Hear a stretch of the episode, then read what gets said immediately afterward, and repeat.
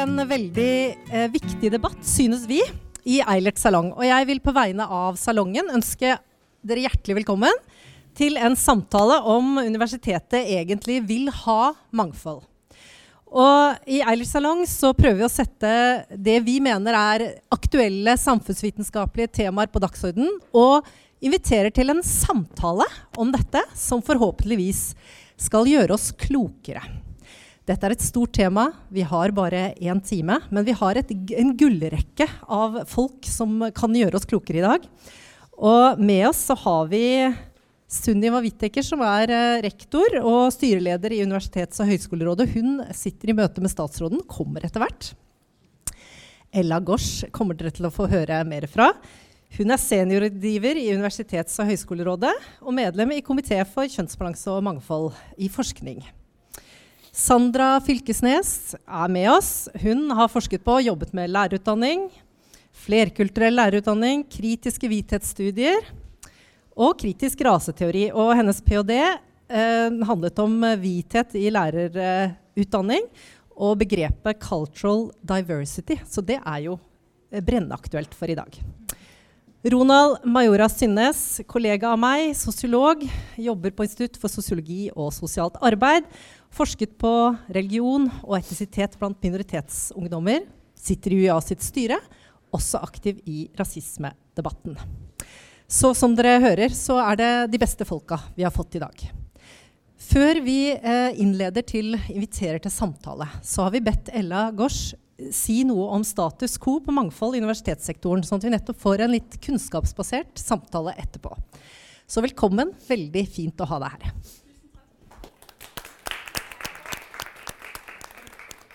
Det er veldig veldig hyggelig å være her eh, mot eh, alle odds og min eh, sjefs eh, bekymrede henvendelse om er du sikker på at du skal reise til Kristiansand nå, eller Ja. Eh, men jeg hadde veldig lyst. Eh, ikke bare fordi det er en fryd å kunne reise et sted. Uh, men, uh, og en by jeg liker veldig godt, men også fordi um, dette temaet og denne diskusjonen interesserer meg veldig. Og Du kunne tro at denne diskusjonen skjer mye og mange steder, men på en måte så er det, er det, det er mye som ikke er både forska på og diskutert. Uh, til tross for at vi har samfunnsvitere og andre yrkesgrupper som er opptatt av disse temaene.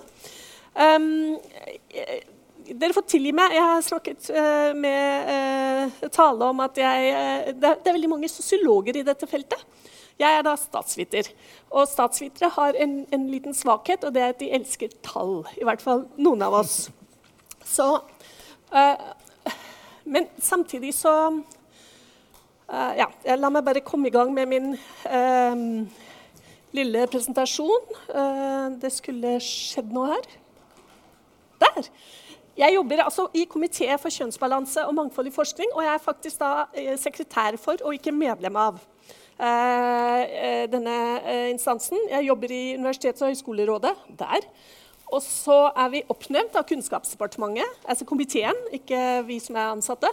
Uh, vi har et blad, eller ikke et blad, men en sånn nettside som heter Kiffinfo, som jeg vil anbefale alle om å kikke innom, for det står mye artikkelstoff der, og, og fakta. Også, som drives av Kilden, altså vi kjøper tjenester av Kilden, som er på Forskningsrådet. Så, og det er fordi også komiteen er opptatt av at det vi gjør skal være forskningsbasert og kunnskapsbasert. Um, det er mange som sliter litt med mangfoldsbegrepet, fordi det betyr alt, og det betyr intet.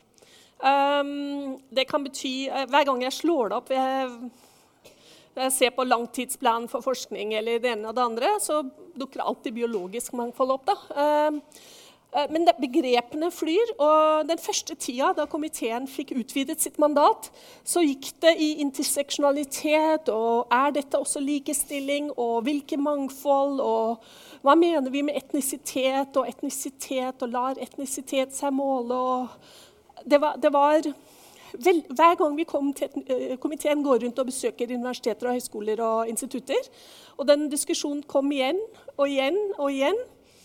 Og saken er at vi kan diskutere begrepene, og det er utrolig viktig å være klar over hva man mener, men på et eller annet tidspunkt så må man si dette jobber komiteen med. Så vi nedsatte en arbeidsgruppe som besto av folk med forskere, eh, internasjonale innvandrere, folk fra Forskningsrådet, folk fra Forskerforbundet, folk, mange, mange, forskjellige. Og så prøvde vi å få dem til å si hva, hva er deres råd? Og så laget vi en strategi der vi hadde et fokus på noen grupper. Fordi i, i norsk akademia nå så fant de ut, og vi ut, at akademiske migranter, utenlandske, fast vitenskapelige, er én gruppe. Mange av dem er eh, Hei, Sunniva. Eh, mange av dem er eh, fra naboland og fra europe, Eh, europeiske land. Noen av dem er også fra, fra he hele verden. Uh, men i denne gruppen så er det mange som uh, enten blir ansatt uh, fra en annen stilling i utlandet. Det er mange som kommer rett inn utenfra. Så du, men så er det noen som har gått utdanningsveien fra enten master eller doktorgrad, også her. Midlertidig med kort opphold. De, har, de, er her for å ta en doktorgrad eller en postdoc. Uh, noen av dem får en karriere her, men minst halvparten av dem reiser videre. Uh, I den gruppen er det mange fra det globale sør. Um, så er det innvandrere og etterkommere som er bosatt i Norge. Og der Etterkommere er en gruppe som komiteen har hatt særlig fokus på. Altså barn og barnebarn av personer som er innvandret til Norge. Så er det urfolk og nasjonale minoriteter. Uh, KIF-komiteen har ikke snakket mye om det, men det fins en gruppe i Universitets- og høyskolerådet som er opprettet for å ha et særlig fokus på å få opp både antall forskere, andel forskning, uh, kunnskap rundt omkring om samiske forhold. Jeg vil bare si Nasjonale minoriteter er en gruppe som er blitt fokusert altfor lite i Norge. I Sverige så jobber man mye mer med å få nasjonale minoriteter inn i akademia. Um, jeg sier noe om etterkommere. I, for noen år siden, da vi ba om statistikk fra uh, Kunnskapsdepartementet om dette, så fant vi at 0,4% av alle forskere var uh, etterkommere av innvandrere. Som er for øvrig godt representert blant studentene.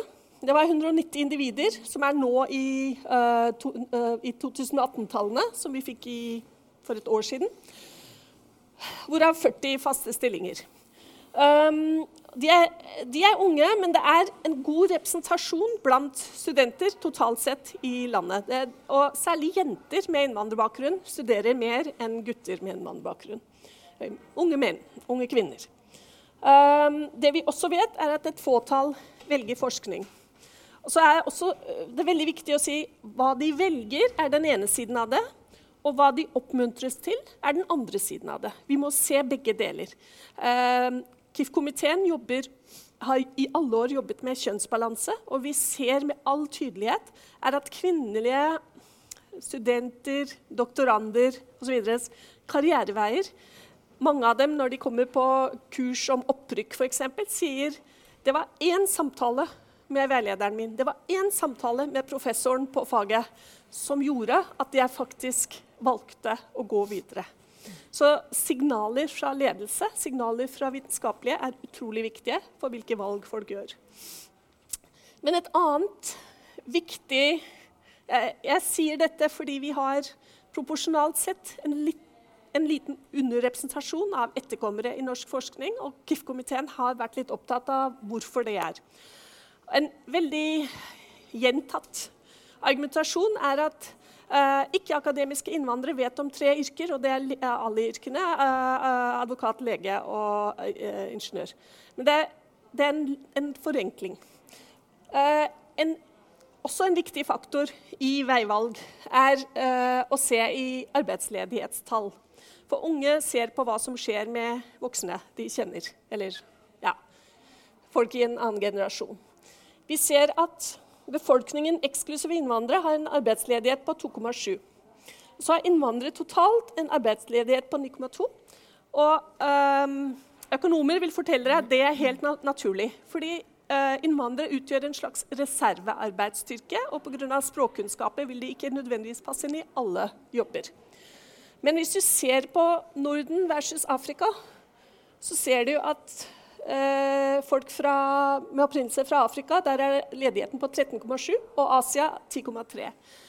Og det er med på å prege trygghetsbildet til unge som velger yrke. Og jeg tror det er veldig viktig å ha med oss når vi, eh, når vi tenker på veiledning. Jeg har sett på tallene til eh, Universitetet i Agder når det gjelder studenter. Uh, og jeg vet ikke hvordan jeg ikke, Det jeg ikke har gjort, er gått og sett på IMDi sine tall for regionen.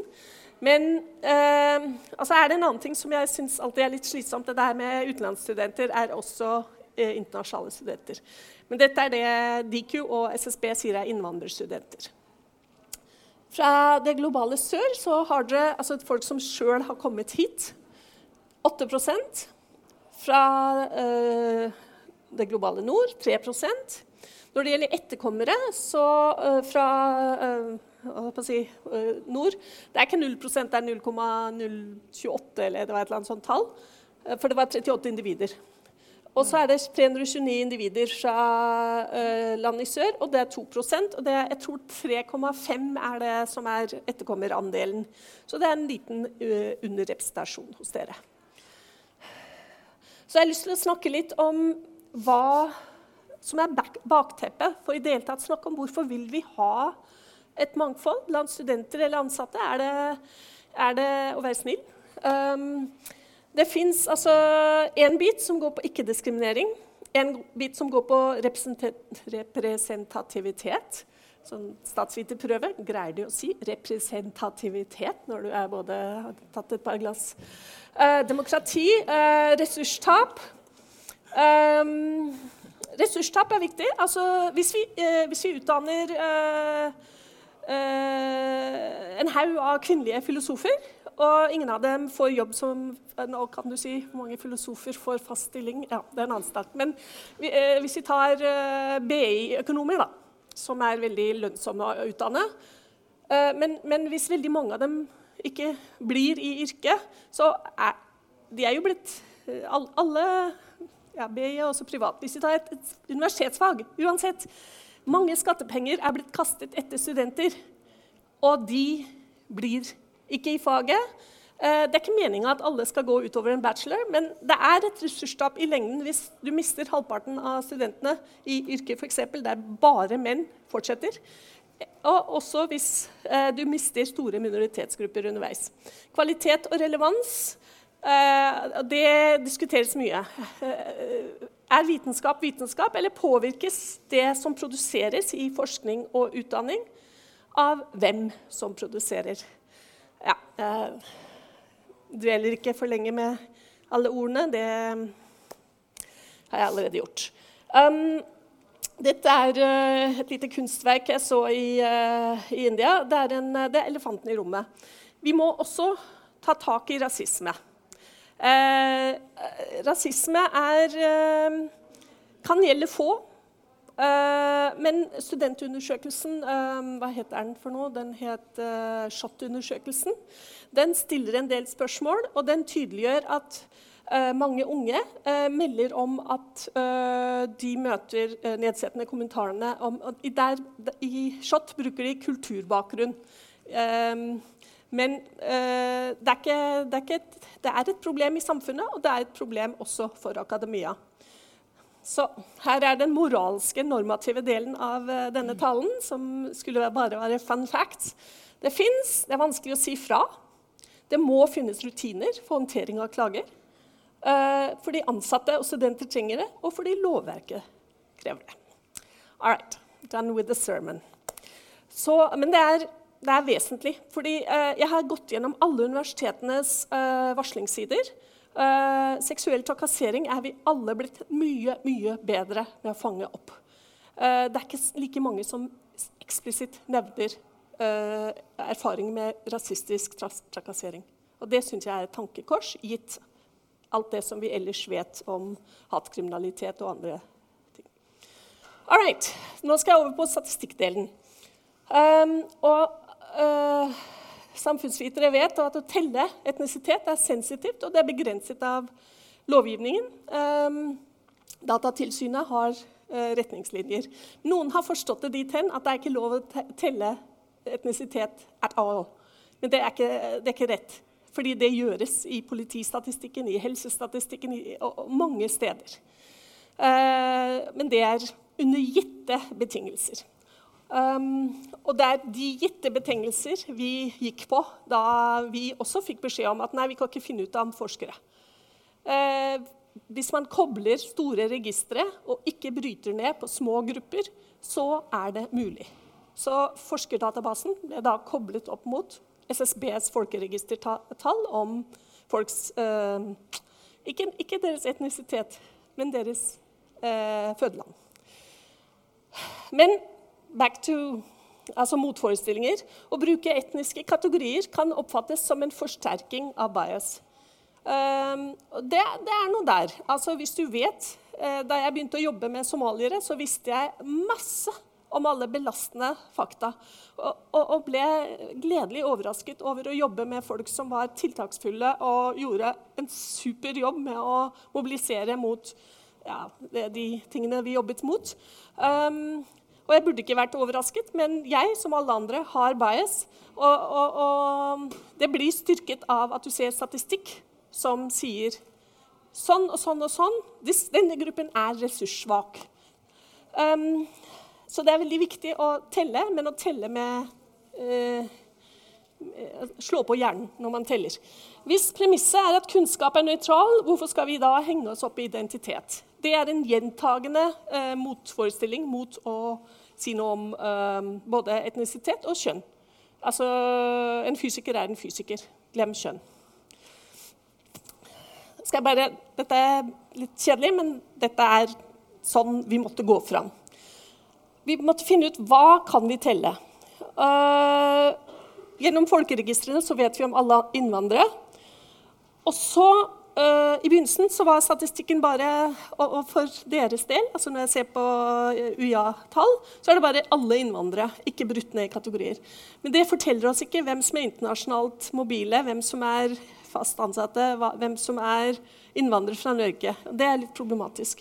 Så vi jobbet masse sammen med NIFU og SSB for å finne ut Statistisk sentralbyrå, og for å finne ut hvordan greier vi å finne ut av kategoriene på en fornuftig måte.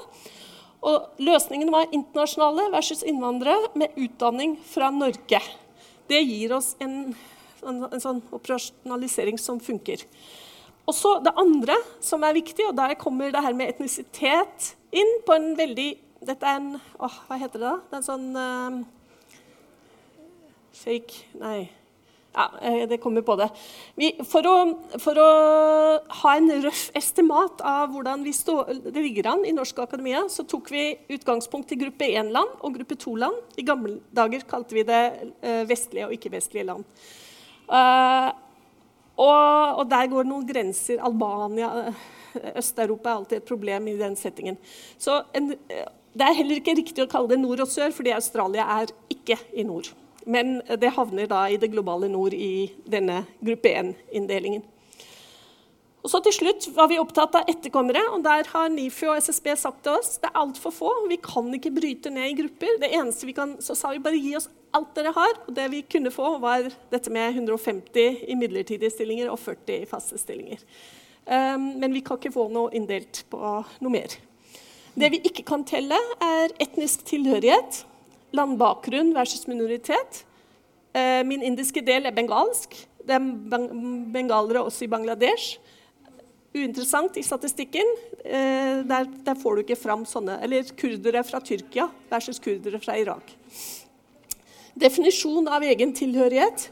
Hvorvidt man definerer seg som melaninrik, som svart, som brun. Mange Holmlia-ungdom jeg kjenner, altså fra Oslo, de er opptatt av at de er brune, og det er brun de vil kalles. Men den definisjonen den, eh, kan man, eh, man kan gjøre det i kvalitative undersøkelser, man kan ikke gjøre det i statistikk. Hvordan ligger jeg an for tid? Ja. Um, ja. Og så har vi evig, eh, et evig dilemma som man har jobbet med med urfolk. Uh, Samemanntallet er ikke godt nok. Det er laget noen regionale inndelinger som hjelper oss med det med samer. Um, ja. Nå, men, så det som vi i hvert fall vet, er at forskerpersonalet de er, eh, Der er det en overrepresentasjon av personer fra andre land opp mot befolkningen. Uh, sysselsatte og befolkningen ganske lik. Studenter, der er det en lavere representasjon, men uh, der er etterkommere overrepresentert på en måte. Opp mot det du ser forsk... Nei, unnskyld. De er, jo, det er overrepresentert opp mot befolkningen, men hos forskerpersonalet så er det ikke det. Um, her er den inndelingen jeg snakket om, med internasjonale versus de med, de med utdanning fra Norge versus de Eh, fra, Norge, eh, fra, utlandet. På universiteter og høyskoler, som er den vi er på nå, så er dette de med utdanning fra utlandet, altså internasjonale. Og den innvandrere og etterkommere eh, er inni denne. Og det er ca. 1-4, altså 20% cirka, av de som kommer på innvandrerkategorien i universiteter og høyskoler, tilhører norske innvandrere. Og fire av fem er internasjonale. Um, veldig kjapt De store landene. Uh, nå i 18 ba vi om det. Uh, og da var det Eller vi ba om det i 19, men vel, vel. Um, Tyskland er det største landet. Sverige, Kina, Storbritannia. Og Storbritannia er litt rar, for der er det veldig dårlig representasjon av kvinner. Det var det også i Iran, men det er blitt bedre fra Iran, men ikke fra Storbritannia. Danmark Jeg trodde alltid Sverige og Danmark kom til å være på topp, men det er det ikke. altså. Uh, Italia, Iran, Frankrike. Og så har vi den grå her. Det er alle andre land. Så den eneste som er litt stor, er altså Tyskland og hva er den blå her, da? Sverige.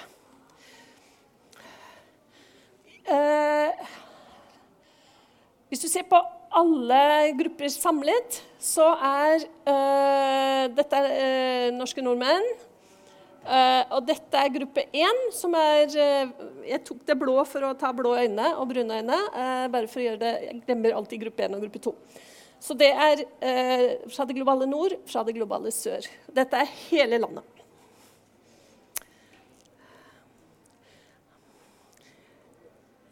Jeg er nødt til å bare ta disse fire. Dette er de stillingsnivåene. Dette er liksom, For oss som jobber med karrierer, så er dette gullet. Her får vi vite hvordan det er med ulike grupper. Og der er det sånn at Første gruppa er professor. Professor der er 27% fra andre land i Norge eh, per 18 da. Og der er storparten fra gruppe 1 og 5% fra gruppe 2. Eh, Førsteamanuensis 2018. Der er det gått opp eh, Nei, unnskyld. Der er det, der er det 8 fra, eh, fra land i sør og 21% så 29 til sammen er fra andre land. Og her kommer den store utviklingen. Uh, Postdoc er til venstre. og Postdoc-gruppa er der uh, dagens diskusjon om internasjonaliseringens store farer den kommer opp. Fordi her er uh, andelen fra, som er uten innvandrerbakgrunn, den er bare på 29% i 2018. Det er ganske dramatisk. 40% er fra gruppe 1-land, og 31% er fra land i det globale sør. Så der er det denne revolusjonære endringen i norsk akademia egentlig kommer. Uh, stipendiatgruppa, der er 58 uh, ikke-innvandrere. Og i alt 42 da fra uh, andre land. Eh, og der er det ganske jevn fordeling mellom land i nord og sør. Um, skal jeg slutte der? Ja. Det gjør jeg. Men vi, vi, ser jo at du har mer på hjertet her. Så um, det, dessverre så er det en time vi har til rådighet. Ja, ja, så for å gjøre plass til alle gode ting i denne salongen, så tror jeg vi ønsker panelet velkommen opp. Og der skal jo du eh, også heldigvis være med. Men Sunniva Sandra og panelet lenes av Ronald. Så vær så god.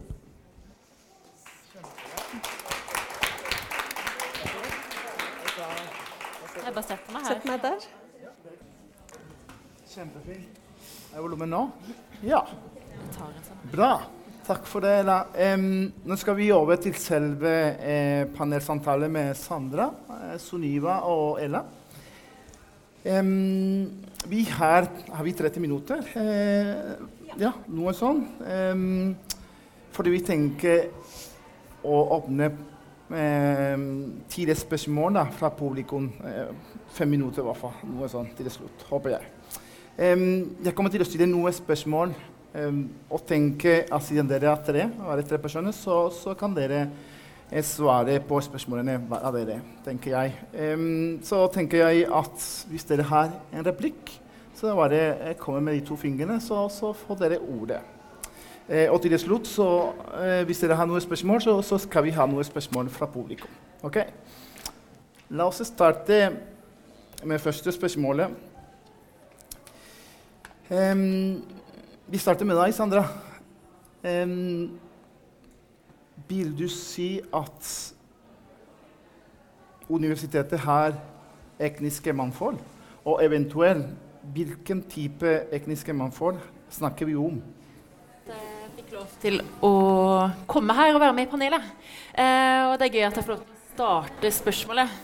Eh, og om det er Hører dere meg greit nå? Ja, så bra. Jeg hører meg ikke sjøl. Eh, om det er etnisk mangfold eh, så kommer det an på hvilke stillingskategorier du snakker om. Du snakker om studenter, og hvem type ansatte vi snakker om. Og muligheten for avansement og sånne ting. Eh, men generelt så kan vi jo kanskje egentlig bare si at nei, det er ikke så mangfoldig som det kunne ha vært. Og så blir det kanskje mer interessant å spørre hvorfor er det ikke det. Eh, og hvis vi snakker om universitetet her spesielt, om det er mangfoldig, eller om det kunne vært mer mangfoldig, så kan vi jo lære fra forskning da, for at eh, skal du rekruttere kvinner, har vi jo gjort, eh, jobbet litt med, og mangfold, så må du ha det en del i policyen. Og hvis du har sett på rekrutteringspolicyen her, nå kommer det en veldig indirekte kritikk, eh, så er det ikke ordet mangfold i motsetning til deg, da, eller, ikke nødvendigvis motsetning, men jeg er veldig interessert i ord. Eh, jeg er jo for kvalitativ og jobber mer i sånn utdanningsvitenskap og jobber med diskursanalyse og sånn. Eh, mangfold er ikke nevnt. Og så viser policyforskning da at jeg sier ikke at det gjelder alle, men sjefer og andre som utøver policy, altså nekter policy, eh, det, prioriterer det de syns er viktig, og det de mener de kan få til. Eh, så det var vel kanskje en litt sånn hard kritikk av at eh, kanskje ikke mangfoldig nok. Og det er kanskje en grunn til det. Mm. Ja, takk for det. Sjøl Niva, har du ja. Eh, jeg er ikke direkte involvert i rekrutteringsprosessene, men jeg mener at eh, vi har en fast eh, formulering i alle stillingsannonser som står at kvinner og Nå husker jeg ikke helt hvordan det er formulert, men det går vel på etnisk mangfold. Oppmuntres til å, til å søke. Det tror jeg er en fast som ligger i alle stillinger på, på, UiA. Men når det gjelder vår mangfold Hvis vi ser på altså hvis vi ser på tallene utenom ph.d., så har vi 233 eh, med internasjonal bakgrunn for 55 ulike land. Uh, og Det sier ikke for å rettferdiggjøre meg, men altså når jeg ser på disse tallene som Ella presenterer, så tenker jeg at det er en del ting vi må ta i betraktning. Og det er f.eks. at uh, også nordmenn med, i visse sosioøkonomiske kategorier er underrepresentert. Og at når man får det i kombinasjon, altså nå snakker jeg om etterkommere av innvandrere, da, så er det ulike faktorer som kan eh, spille inn for at man har mindre. Og så gjør vi en del ting, jeg kan jo komme tilbake til det, men jeg tror at dette er et veldig langsiktig arbeid, og vi må begynne veldig tidlig. Så jeg er veldig glad for at man nå har begynt å få statistikk også når det gjelder studenter, for det er jo forutsetningen for å ha eh, mangfold eh, blant våre forskere, er jo at man begynner med studenter. Og eh, når man skal rekruttere studenter, så må man begynne enda tidligere. Så, så jeg kan si litt om de eh, prosjektene vi har i gang da, på det eh, etter hvert. Mm. Kjempefin. Ella, hva synes du om det her, det du eh, hører? Um, Uh, altså, jeg tror det er viktig at man har stillingsannonser som tydeliggjør at folk er velkomne, også hvis de har, uh, er kommet fra underrepresenterte grupper. Um, men slik jeg oppfatter det, så uh, nasjonalt så har Underdal-utvalget holdt på å, snakke om hvilken uh, stillingsstruktur man skal ha, og, og, så har det også kommet karriereretningslinjer. Både uh, Universitets- og høgskolerådet og, og, Kunnskapsdepartementet har jobbet med dette. Og, og heldigvis så har de tatt med eh, dette med utfordringen med underrepresentasjon, også av etniske minoriteter, og karriere eh, og disse kritiske overgangene. Det jeg ikke fikk nevnt, var at eh, i analysen av de tallene vi har fått, så er det fra master til doktor som er den kritiske overgangen som vi må sette inn fokus på. Og heldigvis så er da det tatt med i den nasjonale strategien for karrierer.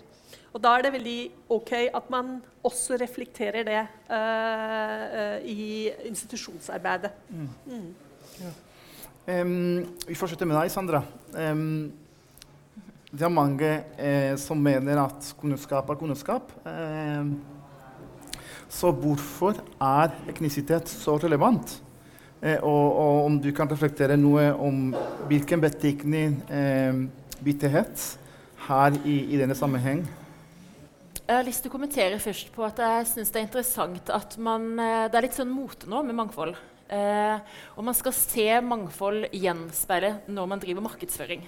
Uh, så har jeg sett litt på UiA sine sider. Det første som møtte meg, som er en endring, det er at det sitter en melaninrik eh, kanskje person med sånn afrikansk bakgrunn i midten av forsiden på UiA sin side.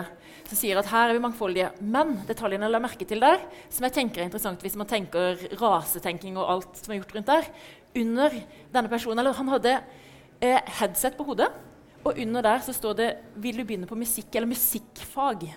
Og så tenkte jeg er det tilfeldig? For det, det er jo liksom sånn, ja, det var bare tilfeldig, eller var det ikke det? Eh, det er en interessant måte. Men man rekrutterer mangfoldig. Og hvilke signaler bare i de her små de detaljene sender man ut? Hvor hører du hjemme, eller hvor er du velkommen hen? Eh, man ønsker å rekruttere folk inn, men hvem møter du når de er her? Så vet vi det, vi har ikke så mange innvandrere, eller vi begynner jo å få litt mer innvandrere, folk som ser forskjellig ut i dette landet her, så det må vi kanskje også ta i betraktning. Landsdelen og sånne ting. Eh, ja, men eh, eh, jeg tenker det at man møter jo da et ofte kritthvitt eh, Hvis man bare sånn generaliserer generelt, kanskje en brun klump her og der, hvis man snakker litt sånn eh, grovt her, eh, så er det ganske hvitt, og pensum er ganske hvitt. Mm. Eh, og jeg er sosialisert inn i akkurat det samme pensumet. Mm. men paradokset er egentlig at vi prøver nå med bilder å signalisere at ja, mangfold, vi er for det, men vi har ikke peiling på hvordan vi gjør det, helt ærlig. Mm. Inkludert meg sjøl. Vi vil, vi vil, men vi vet ikke helt hvordan vi skal gjøre det. Og så tror vi at når vi prøver å gjøre det, at det er nødt til å kappe noe. Og grunnen til at sånn dekolonialiseringsdiskurser, diskusjoner, om vi skal dekolonialisere litteraturlister og sånne ting, møter mye eh, motstand, er at folk tror kanskje at litt av identiteten eller forståelsen av hvem de er, hva de har lært, mm. kommer til å måtte bli revet litt fra det. Og motsatt da så kan man også spørre seg sjøl hvis du kommer her og vi lover deg i bildene våre her er det mangfold, og du kommer og møter noe kritthvit. Hvem møter du? Hvilke representasjoner møter du? Hvilke identiteter? Hva sier du om deg selv? Mm. Så litt sånn, eh, Kanskje vi kunne ha jobba litt med innholdet der. Og tenker egentlig, nå skal jeg reklamere litt, et godt sted å begynne kunne vært det er ganske interessant, Dag Herrebjørnsrud sin bok som heter 'Globalhistorie'. Han løfter opp så mange kjente tenkere som ikke kjenner til. Jeg har aldri lært om det, aldri hørt om det. Men hvilken, hvilken, eh, hvilke konsekvenser har det for kunnskap? Altså det, den bildet som du tar inn akkurat nå, om du kan reflektere om det? Eh, det som, jeg må bare vise til det som forskningen ja. sier, da, at når du kommer inn et sted og du aldri møter noe som representerer la oss si det var utseendemessig deg selv, så føler du deg aldri helt hjemme. Du kanskje aldri føler at du helt hører til. Og det er sånne små ting som det var generelt det store bildet kommuniserer. Så ja, det er bra vi begynner med bilder og sånne ting. Og det å kanskje lese noen alternative perspektiver på verden. Det vil være det samme hvis, hvis du er skeiv og alltid hører homo, eh, heteronormative perspektiver. Så vil det aldri være en plass til deg der du føler at du kan høre det hjemme. Og det er helt basic liksom, i menneskets relasjonsbehov at vi føler at vi hører til. Og det er det som psykologisk skjer, at det blir en hele tiden en belastning, for du blir indirekte hele tiden fortalt. Det er egentlig ikke plass til det her. Mm. Og forskning viser da på viktigheten at du som student, hvis vi skal beholde de og få de til å Vi er jo opptatt av gjennomstrømming. Til å klare dette og føle en identitet, en driv i det de gjør, så må de ha en plass hvor de hører seg hjemme, og de må ha arenaer hvor de kan komme på banen og føle seg representert. De har noe å bidra med. Mm. Og der, nei, siste jeg skal si, der er ikke vi, da eh, som er en del av majoriteten, flinke nok til å lytte. Vi lytter ikke ordentlig på det, viser mm. forskning. Ja. Vi gir de ting de ikke vil Det var ikke det de ba om. Vi gir de noe annet og sier det må de være fornøyd, men det er ikke det de vil ha. Takk. Vær så god, så nå etterpå. Ja, nei, altså Dette er et spørsmål som uh, opptar meg mye. Da. Og, uh, jeg har jo uh, studentmentorer, og de studentmentorene jeg har hatt, så har fem av dem faktisk eh, hatt minoritetsbakgrunn. Nettopp for å få et innblikk eh, i hvordan dette er. Og eh, Det er jo to aspekter her. Det ene er jo, som du sier, du har rollemodeller, og da er jo det visuelle. Altså Hudfargen er omtrent det eneste man ikke kan endre på i dag. Man kan skifte kjønn, man kan skifte hårfarge. Det er liksom huden som er det mest bestandige, da. Eh, og jeg tenker det å ha eh, rollemodeller eh, er viktig. Eh, og det kan jo også gjelde altså, studenter som er adoptert. Altså, det har jo kommet frem i den senere tid ikke sant? at adopterte har jo en veldig eh, vanskelig situasjon, for de er gjerne alene i sin familie med den opplevelsen de har. Så, så dette gjelder jo veldig mange med ulik, eh, med ulik bakgrunn. Da. Det er det ene. Og det andre gjelder jo det som du er inne på med at det er veldig viktig at vi eh, får inn ulike perspektiver på eh, tilværelsen. Dette var jo et stort spørsmål når det var snakk om eh, kvinner i forskning. ikke sant? At eh, her får man inn andre perspektiver, og likedan. Altså folk som eh, eh, har en annen erfaringsbakgrunn, og får det inn. Eh, jeg tror det er en viktig del av den dannelsen man skal ha gjennom et universitet. At man lærer seg å se ting fra ulike perspektiv. Og veldig i tråd med den samskapingsvisjonen som vi har da. Ella? Um, jeg tror fagene varierer ganske mye når det gjelder hva eh, altså al- alt dette som gjelder pensum og innhold. Um, at historiefaget er et veldig godt eksempel. Filosofifaget er også et eksempel.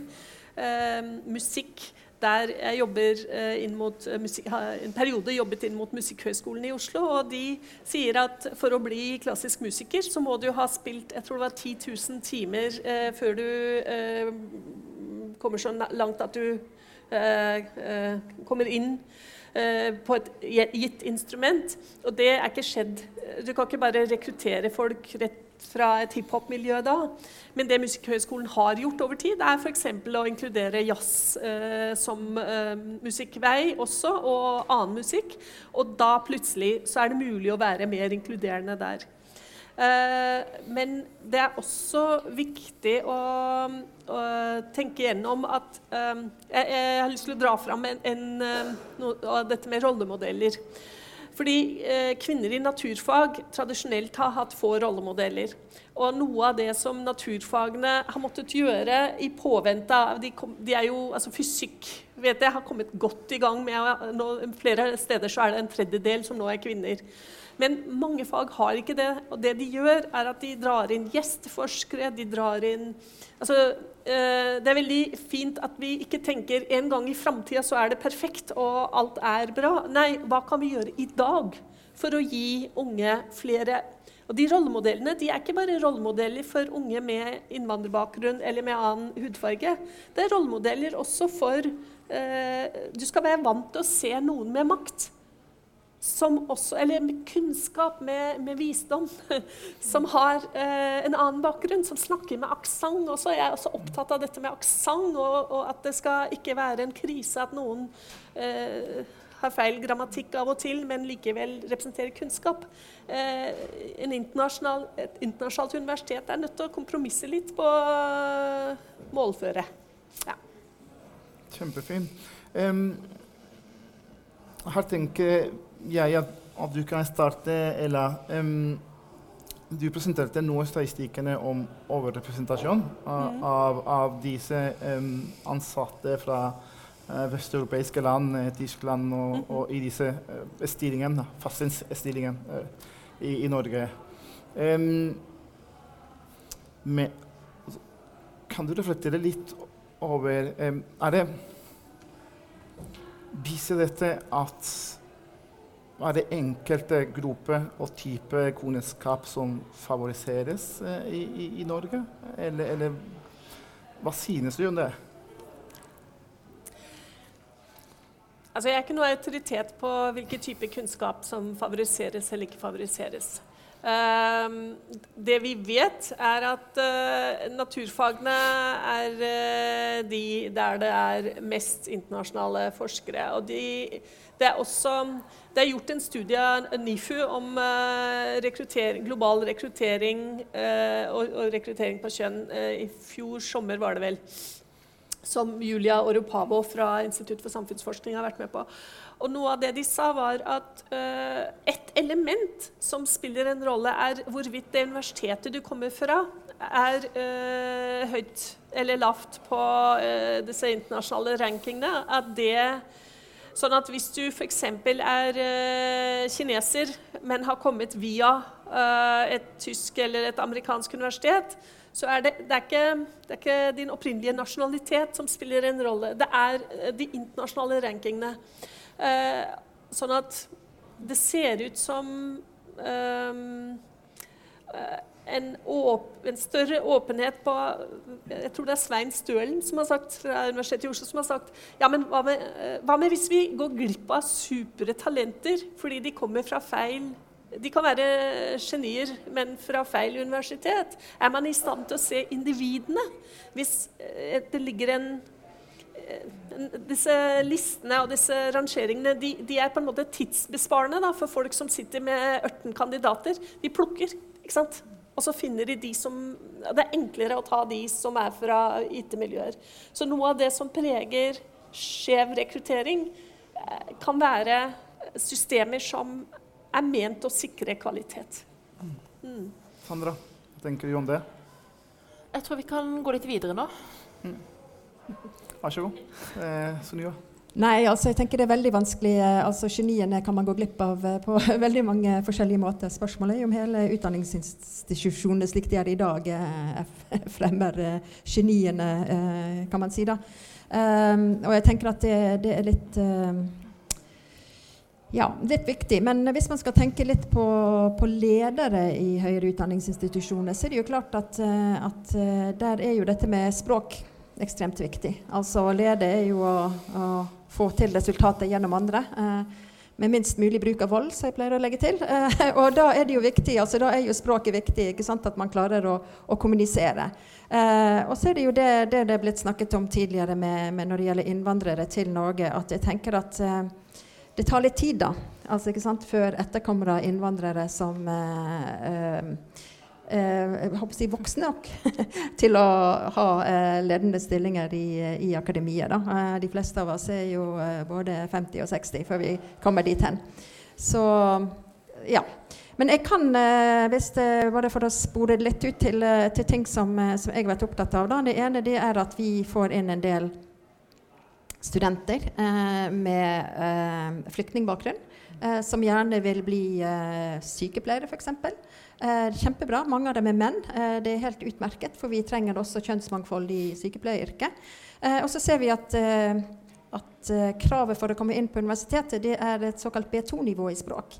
Eh, og det er ikke tilstrekkelig ofte for å lykkes som student. Så der har, vi, har jeg et prosjekt på gang sammen med, med fylket og kommunene med med å se om kanskje altså Vi har en ny integreringslov som sier at språk eh, Altså at den uh, norskopplæringen skal være individuell. Men uh, man har tolket det dit hen at det skal være slik at man kan nå B2-nivået i ulik hastighet. Mm. Alt dette hvor motivert man er, hvor lik språkene er osv. Men jeg tenker at uh, det er veldig viktig å, å, tenke litt hva slags ambisjonsnivå har de enkelte som kommer inn. Ønsker de å gå på universitet, så bør man kanskje legge til rette for at de kan lære seg norsk på et høyere nivå, slik at de faktisk har en sjanse til å lykkes som student. og her har vi jo også lagt opp til norsk norskundervisning for norsk støtteundervisning for disse studentene, men det hadde vært mye bedre om det kom tidligere. Så det er bare ett uh, eksempel på et tiltak. Uh, et annet er at vi prøver å få i stand et sånn firetrinns mentorprogram eh, som begynner i ungdomsskolen, går videre til, til, videregående skole, universitet og ut i arbeidslivet, hvor man i både mentor og mentida for, eh, for, eh, barn med minoritetsbakgrunn. Nettopp for å synliggjøre hvor viktig utdanning er da, for å klare seg. For utdanning er jo den mest sosialt utjevnende og økonomisk utjevnende virkemiddelet vi har. Eh, og så har jeg eh, fått kontakt med en, eh, en spennende student på, på, rettsvitenskap som har vært leder for en dag, eh, også med marokkansk slash jordansk bakgrunn. Eh, som sa kunne vi fått til dette på, på Sørlandet. Altså det at eh, studenter med minoritetsbakgrunn kan være leder for en dag i ulike bedrifter. Så vi har allerede vært rundt og prøver å få dette til. Prøve et pilotprosjekt, og så ruller det ut videre. Og jeg tenker det er den type tiltak som tar tid, men uh, som er veldig viktig da, for å, å, Ja, at man her på Sørlandet òg ser at uh, man er, behøver ikke være født og oppvokst her for å kunne, kunne bidra inn til, uh, til samfunnet. Mm. Kjempebra. Sandra? Jeg, jeg, sitter og tenker litt når, når jeg hører. og så kommer vi hit i dag for å diskutere mangfold i akademia. Mm. Og nå sitter jeg og hører på diskusjonen hvor er det vi rekrutterer mangfold inn. Og hvis jeg hører riktig, så ser det ut som vi rekrutterer de inn i akademia, akademia for å få de ut i arbeid. Og da lurer jeg på, Bør vi snu diskusjonen litt og holde oss til temaet? egentlig? Hvordan rekruttere folk inn i mangfold i akademia, og kanskje til til og med lederstillinger i akademia? Mm. Jeg sier ikke vi er helt borte fra det, men jeg bare tenker litt på doktorgraden og sånne ting, og er vi, hvor er det vi prøver å sjøfle folk mm. inn språklig? Så lanserte jeg en sånn idé. Det var sikkert noen som hadde sagt det før meg, men jeg mente det var veldig bra i den norske konteksten at vi driver egentlig med sånn rasial stratifisering. Få de dårligste inn på bunnivå, på en måte der de hører hjemme i det norske hierarkiet. da. Eh, og det er det jeg lurer på nå, hva er vi, er det, Hvor er det vi vil ha mangfold, og hvor, for hva? Mm. Er det for å lage mer demokrati, og hvilket demokrati får vi hvis vi skal rett ut i arbeid? Få de til å lære norsk og fort få de ut i jobb der de kan hjelpe. Sykepleier, der trenger vi jo folk. Jeg skjønner vi må ha det òg. Men hvis vi skal diskutere mangfold mer for mangfoldets skyld i akademia, tenke lenger frem i tid, da må vi tenke hvordan rekrutterer vi til og med inn kanskje i din stilling. Det skjønner jeg at det ikke er gøy å tenke på. Men uh, for meg er det veldig bra at du er kvinne i den stillingen du er. For det gir meg håp at kanskje jeg kan vet ikke om, vi, uh, om jeg kjenner en type identitet med deg. For jeg kjenner ikke godt nok ennå. Men det er det diskusjonene vi kanskje må begynne å ta litt i. Og det er det forskning peker på. Hvilke stillinger er det dette mangfoldet innehar og ikke? Hvor er det de får jobb? Og synes jeg det er spennende med statistikken over postdoktorer. Som det har vært mye diskusjon i media. Så tenker sånn stilling, Hvis ikke jeg får forhandla til meg en god lønn, sånn har ikke jeg lyst på. For du får egentlig ikke en ny Du havner i nå vet jeg ikke om det er akkurat det du snakker om, du havner i så vidt jeg skjønte diskusjonen, en slags loop. Det er det eneste du kvalifiserer deg til, er mer forskning på like lav lønn. Og det er, det er kanskje å ta litt hardt i.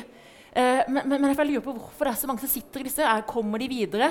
Eh, ja, så jeg har lyst til liksom, Kan vi ikke snakke om noe annet enn å bare få de ut i arbeid? Kan vi ikke snakke om mangfold i akademia? Hva gjør vi her? Ja. ja. Ja, nei, altså Det er jo synd få som uh, fortsetter i akademia. da. Det er også mange norske som uh, vegrer seg for å gå den veien. da, Fordi at uh, forskeryrket er ikke så veldig forlokkende kanskje lenger. Men jeg er helt enig i det. Uh, og vi ser som sagt at vi har altså 233 i, utenom ph.d.-ene. noen av dem er postdokker, men vi har ikke så fryktelig mange av dem. Og så tenker jeg at eh, som sagt, altså For å få lederstillinger så er dette med, med norskkunnskaper ekstremt viktig. Og der har vi jo nettopp innført nye eh, språkpolitiske retningslinjer, hvor eh, vi stiller krav ikke bare til den enkelte, men også til eh, nærmeste leder for å sørge for at dette blir fulgt opp. Og vi, hvor vi også nå har et, et tilbud eh, til eh, de internasjonale ansatte og andre som har behov for, å, for økt Eh, bedre norskkunnskaper på opptil C1-nivå. Så kan vi kanskje tenke skulle vi hatt C2, da, som er det aller uh, høyeste. Men uh, målet er jo at uh, Og det tenker jeg er veldig viktig for at skal man delta i utvalg, skal man delta som leder, så må man ha tilgang på, på all den informasjonen som skal til. Eh, kjenne til strukturen osv. Så, videre. så det, det, er jo noe vi, vi, prøver å jobbe med, definitivt. Nå har vi jo Ronald inn i universitetsstyret, og hans vare er også eh, er fra Colombia. Så, eh, ja. så vi gjør så godt vi kan. Ella, vær så god. Kort. Uh, ja. Uh, det er vanskelig iblant. Uh, ja, fordi det som dere begge snakker om, er, er, mange ting. Du må øke Hvis du skal ha KIF er opptatt av de som er på topp. De som er i faste vitenskapelige stillinger. Og der har vi un, en underrepresentasjon av personer med etnisk minoritetsbakgrunn. Uh, og hvis Problemet er at det tar tid å klekke en uh, fast ansatt. Det tar 15-20 år. Og først så må du ha for det første noen inn på bunnen som har, er studenter med innvandrerbakgrunn. Og det vi vet om dem, er at de slutter etter master. Og så har vi en ny, fin anledning når det gjelder å øke representativitet på topp, ved de som har på doktor- og postdoktornivå. Der har du en god representasjon på tvers av kontinenter. Veldig bra. De aller, eh, minst halvparten av dem drar rett til utlandet. Eh, jeg vet ikke hva som, så Det er noe sånn visumgreier der, men en god del av dem forsvinner. Eh, og mange av dem går altså Det er også noe med norskkursnivå. Det kreves ikke samme norsknivå av dem. Men hvis man hadde pøst på med norskkunnskaper, så hadde de blitt gode søkere til de faste stillingene. Eh, men det, de ses i lys av en sånn mobilitets... Uh, uh, hva heter det? Logikk. Mm. Og derfor så er ikke det gitt stor vekt. Og så kommer du på toppnivå, og så rekrutterer man fra Norge og fra nærtliggende europeiske land. Og så mange av dem kan ikke norsk. Uh, og så må man starte på ny. Sånn at du har en slags stige på ulike nivåer med ulik minoritetsrepresentasjon, der folk faller av på hvert trinn. Eh, som kunne, eh, i en ideell verden, blitt eh, dratt opp til toppnivå. Fordi vi har på dekannivå nesten ingen Altså vi har en på Oslo Met, er det ikke det? Eh, nei, vi har to. Vi har to, en på Bergen også. Vi har ingen Vi har få professorer, vi har få av de eh, senterledere. Eh, Forskningsrådets eh, de der eh, porteføljestyrene. Der er det Jeg så en inder. Det var veldig spennende. Jeg ble veldig glad. Eh, men det var liksom jeg tror kanskje en engelskmann eller en tysker bosatt i utlandet. Altså Systemene som har innflytelse, der er det svært få som har uh, annen etnisk bakgrunn. Og Det er et dilemma, og hvis man skal forandre på det, så må man handle på flere trinn. Mm. Kjempefint. Du, jeg har et spørsmål til, men, men jeg tror eh, vi har nå igjen eh, seks minutter. Så jeg tror jeg eh, skal åpne eh, for spørsmål eh, fra publikum. Har dere noen spørsmål angående noen av de temaene? Vær så god. Etterpå. Ja. Uh, til Stringa fra Hanseskolen her på UiA. Um, jeg kan si at jeg jobber i et internasjonalt miljø. Vi rekrutterer ganske bredt fra mange land, fordi at de publiserer godt, og da uh, utvider vi litt hvilken type men så skjer det noe når de kommer hit. Og dere snakker om representasjon. Jeg tenker hvordan takler vi mangfold og får det til synet til, til, til, å bruke det til fordel. Og her er det mye å lære. Og det handler veldig mye om organisasjonskultur og kompetanse. Både blant lederne, topplederne, som vi egentlig er veldig mye hvite, men også i organisasjonen. så Min subjektive opplevelse er at kulturen vår er veldig hvit og veldig norsk, så vi prøver. Jeg er jo også fra Albania, men jeg føler ikke det alltid rom for å kunne fremme min mangfold, fordi at også maktposisjonen min er ganske svak. Så hvordan vi fordeler makt, og hvordan eh, Altså, ingen har spurt meg hva kan du bidra med din kompetanse, eller har du, no, har du noen refleksjon? Har du en kompetanse som er litt utenfor? mer sånn at her er det sånn vi gjør ting, og det er det du skal fortsette. Så det handler ikke bare om representasjon, men hvordan da vi bruker den Altså vi har ikke nok kunnskap og infrastruktur til å ta i bruk eller til å identifisere de styrkene som kanskje mangler, eller svakhetene som en sånn um, arbeidsplass da vil by. Så Sunniva, kulturjobben sammen med handlingsplanen, som forresten UiA har en veldig bra detaljert og veldig, veldig bra tiltak, veldig bra, men mange vet jo ikke hvordan vi skal begynne å jobbe med det, rett og slett. Og så litt mer mangfoldige led, um, toppledere, selv om de er kvinner.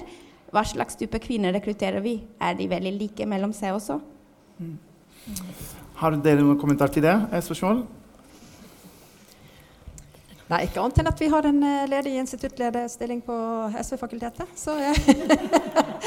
som uh, ingen, uansett etnisitet, har søkt. Så ja, bare for å si det. Så vil jeg også si at vi har jo Altså i den handlingsplanen så er det jo eh, snakk om eh, utdanning, eller uh, si, opplæring da, i mangfoldsledelse for ledere. Den ligger inne der. Og jeg er veldig opptatt av eh, kvaliteten på det, for jeg føler at eh, veldig mye av det som spres av sånn interkulturell kommunikasjon, er veldig sånn essensialistisk, og den er ganske horribel, syns jeg. og jeg tenker at her må vi virkelig løfte oss og få på plass noe som, hvor man rett og slett ser litt på de vesentlige tingene med mangfold. Altså hvorfor vi ønsker det, og hva vi kan gjøre for å, for å fremme det. Kjempefint. Eh, gå videre til Innlandets spørsmål. Skal vi se. Vær så god. Føles det ut? Ja. Når det gjelder rekruttering til administrativ og uh, vitenskapelige stillinger, jeg har lagt merke til at vi ganske sjelden lyser ut veldig kort eller midlertidige stillinger. Vi bare springer rundt. Uh, hvem vet vi som kan ta dette? dette.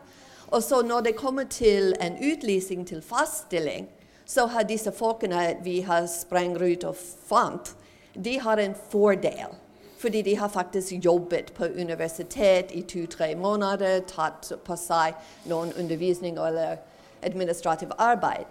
Men siden den kort uh, 20 stilling, seks måneder, var ikke lyst ut, det vi fant, var folk som ligner veldig mye på oss. Uh, og så det er en, en, plass hvor vi kunne faktisk rekruttere mer bredt til kort- og delstillinger, så at disse folkene kunne få erfaring og bli bedre i stand til å få fast stillinger senere kommentar? Sunniva var opptatt. Vær så god. Ja, nå har vi jo fått eh, klare uh, beskjed fra vår vår statsråd at vi skal unngå å bruke midlertidige stillinger så mye som mulig. Da. Og der prøver vi så godt vi kan. Jeg syns det er veldig spennende med toerstillinger, eh, som gjør at man kan få god eh, internasjonal eh, kompetanse inn. Og eh, det har jeg sagt til alle dekaner. Oppfordrer dekanene til å bruke dette nettopp for å eh, hyre inn eh, gjerne internasjonal kompetanse med et annet perspektiv for å styrke fagmiljøene. Så det, det er definitivt noe vi bør bli bedre på. da, Å øke bruken av akkurat den type for det går ikke på midlertidighet ettersom de har en fast jobb et annet sted. Da. Men eh, vi prøver å, så godt vi kan å, å, unngå å bruke midlertidighet. Noe som er litt komplisert gitt eh, de ulike typer kravene som stilles til institusjonene nå i disse dager. Sandra, vær så god. Jeg, jeg, tenkte litt i forhold til det som er sagt at man, Når man trenger folk, så løper man rundt og finner folk. Man kjenner noen som kjenner noen som kjenner noen. Og så tenkte jeg litt på det som er sagt også med at eh, sånn gjør vi det her. Og organisasjonsteori og det å avfryse for så å refryse og gå videre og få en dynamisk organisasjon. Jeg tenker Det er veldig uheldig hvis det er sånn at man hele tida rekrutterer folk som man kjenner eller som ligner og man vet glir lett inn. Behagelig. Men er det bra for organisasjonen? Og så driver jeg tenker vi, Du sa innledningsvis Sunniva, at uh, man oppmuntrer etniske minoriteter, var det det? Og kvinner. Eh, litt usikker på ord. Mangfold, da. Mangfoldige søkergrupper. Eh, men oppfordrer man de som jobber med rekrutteringen, til å rekruttere mangfoldet? For det er jeg litt usikker på. Eh, jeg er litt usikker på om de som sitter og gjør disse rekrutteringsjobbene, strategisk jobber mot å være åpen for det. Ryktene og Vi skal ikke legge noe kunnskap bak dette sier at man kanskje unngår det, for det mer, skaper av en eller annen grunn litt merarbeid. Jeg vet ikke hvorfor, for jeg kjenner ikke til de prosessene. Så det er lettere å ta noe som er kjent. Det kanskje koster litt mindre. Man må ikke bruke så mye penger på å lære det norsk. Men for eksempel, da. Jeg vet ikke. Men jeg lurer på hvorfor tar man ikke å legge ansvaret for vi som jobber med rekruttering, også litt mer og sette trykken der? Og da igjen til toppen. Hva med policyen? Hva med rekrutteringspolicyen? Bør man ikke ha det et ord? Som peker i riktig mm. retning. Mm. Ja. Takk for det. Har du noe spørsmål til det? Eh, vil du svare til det? Ja. ja. ja. Så ja, altså vi, vi, snakker om et, eh, et, felt som er veldig komplisert. Da. Vi ser jo at det å ansette i, uh, i vitenskapelige stillinger tar uhorvelig lang tid. Mm. Uh, veldig ofte når det gjelder midlertidige stillinger, så er det et undervisningsbehov som skal eh, løses her og nå. Eh, hvis man tenker at eh, folk skal måtte kunne flytte til Norge for å ta en jobb som kanskje varer i seks måneder, så er det veldig lite eh, gunstig, i tillegg til de oppstartskostnadene. og som sagt, dette er noe man prøver å unngå å bruke, så jeg tenker det er mye viktigere å, å, å satse på å få inn eh, eh, mangfold i faste stillinger, og gjerne gjennom eh, post, altså ph.d., postdoc osv. Men så vet vi altså at man kunne jo tenkt seg ok, her har vi en lovende kandidat, eh, la oss si fra et afrikansk land. Eh, så kan vi jo selvfølgelig opp oppmuntre den personen. Gå videre til ph.d., gå videre til postdoc. Men vi kan ikke garantere den personen jobb. ikke sant? Fordi at uh, vi har uh, åpne stillingsannonser. Uh, så, så, det er noe der med, med, at det er veldig vanskelig å, å jobbe på den måten. Fordi at man kan Jeg håper å si ikke lede folk opp i strider, men man er ikke sikker på om den rekrutteringsprosessen går hele veien. Mm. Nå er vi over tid. jeg skal få deg til å stille spørsmål. Vær så god. Nei. Har du ikke et spørsmål? OK. Beklager, jeg tror jeg har et spørsmål. Veldig kort. Jeg syns ja. det er veldig ja, farlig å ha en slippage mellom når vi snakker om rekruttering og tenker OK, internasjonalt. Jeg, jeg syns at hvor vi virkelig sliter, er å rekruttere folk fra Norge med utdanning i Norge som er etterkommere av innvandrere. Mm, og det er der vi bør tenke litt mer strategisk over hvordan vi kan rekruttere de til å jobbe med oss. Mm. Ela, du skal få lov å svare. Um, når, når, man skulle ha plutselig uh, ny samepolitikk, så laget man forkurs og uh, en masse egne tiltak for å få flere samiske studenter kvalifisert til å bli uh, det man trengte, leger, lærere osv. Og vi må kanskje tenke litt på både forkurs av den typen til gitte yrker. Altså Læreryrket er et veldig godt eksempel, der vi har altfor få med innvandrerbakgrunn. Motivering og kvalifisering er den ene siden. Og også som forskere. Altså at det kan være at forskerskoler eh, Jeg vet at medisin og odontologi har det på Universitetet i Oslo. Eh, og sikre at du har god rekruttering av kvinner og menn, og god rekruttering av etniske minoriteter til forskerskoler på bachelor-hovedfagnivå, der de lærer litt om, om, forskning. På andre fag enn bare det gamle ja. medisinsk. Ja. Sonja, du skal få lov å avslutte eh, nå. Eh, jeg tror vi, vi, er over tid nå. Eh, men vi vil gjerne altså, altså du, slutte med, med noen refleksjon om hvordan man kan jobbe videre da, eh, med disse spørsmålene. Eh, vær så god. Ja, Bare en liten oppfølging til det Ella nevnte med at vi må begynne med lærere. Altså jeg tenker, eh, Vi er jo det eneste universitetet for øvrig som tilbyr tospråklig lærerutdanning. Eh, så her syns jeg vi eh, vi har vært eh, vårt, oss vårt ansvar bevisst. Men eh, jeg tenker det er det her med å begynne, begynne tidlig. Eh, ikke sant? For vi vet at eh, altså hvis vi tenker på etterkommere av innvandrere, så er det også den gruppen som, eh, som hvor man finner flest fattige. ikke sant? Det, her finner vi veldig mange med foreldre som ikke har høyere utdanning. Og vi vet at disse tingene altså, den kumulative effekten av det gjør jo at det er lite sannsynlig. Og der må vi rett og slett eh, inn og prøve å, å spore ungdommer til å, eh, til å å se at utdanning kan være, være, veien ut av fattigdom. Det kan være veien inn til et mer spennende og, og rikt liv.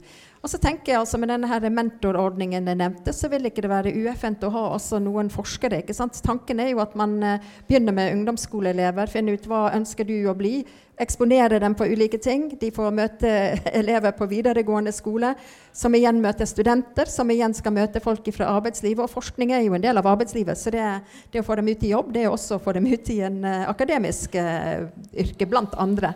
Så, så jeg tenker det det syns jeg er veien å gå. Vi må tenke, Det er veldig mange ulike virkemidler. Vi har fått en ny språkpolitisk retningslinje som, hvor man henger eh, bjellene på de riktige kattene. Eh, vi har fått en ny handlingsplan for likestilling. Eh, vi eh, jobber med å få på plass et, et godt eh, tilbud i, eh, når det gjelder mangfoldsledelse. Mm. Eh, og som sagt så bruker jeg disse studentmentorene mine for å lodde stemningen, for å få vite litt hvordan det oppleves å være student med minoritetsbakgrunn. Så ja, ikke for å si at vi, eh, vi eh, altså, Som det ble sagt på den likestillingskonferansen, det er mye som er bra, men eh, det er mye som er blitt bedre, men det er ikke bra riktig ennå. Ja. Kjempefint. Da har vi hatt en utrolig lærerik time. Jeg kommer til å se litt annerledes på dette temaet, for jeg lærte noe i dag. Så en liten øyeåpner på, gjennom alt det dere sa. Det håper jeg er tilfellet for flere av oss. Tusen takk, alle sammen, at dere kom til Eilert Salong. Vi gir dem en varm og stor applaus. Her er en liten oppmerksomhet.